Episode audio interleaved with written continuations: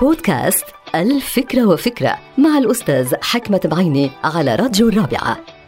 فن التفاوض هو القدرة على التواصل مع شخص أو أكثر للوصول إلى تسوية أو اتفاق معين. هذا هو التعريف العام لكلمة تفاوض ولكن التفاوض ليس بالمسألة السهلة أو البسيطة وليس من الضروري أنه يكون التفاوض سياسيا أو دبلوماسيا فقط بل من الممكن أنه نحتاج إلى التفاوض مع أفراد الأسرة أو مع الزملاء في العمل أو الجيران أو التفاوض مع شركات وهيئات وجمعيات.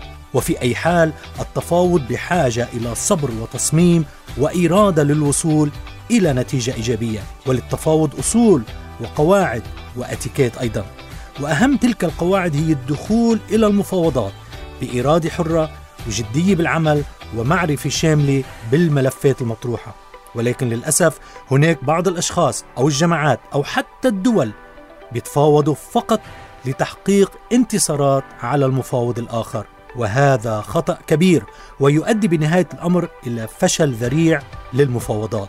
من المعروف أن هناك أربع سيناريوهات هي نتيجة للمفاوضات. أول سيناريو إما أن تربح أنت المفاوضات ويخسر المفاوض الآخر وإما أن تخسر أنت ويربح هو وإما أن تخسر أنت ويخسر هو. أما السيناريو الرابع والأخير هو إما أن تربح أنت ويربح هو أيضا. Win win situation. أنا أفضل السيناريو الأخير. انتهت الفكرة. هذه الحلقة مقتبسة من كتاب الفكرة وفكرة.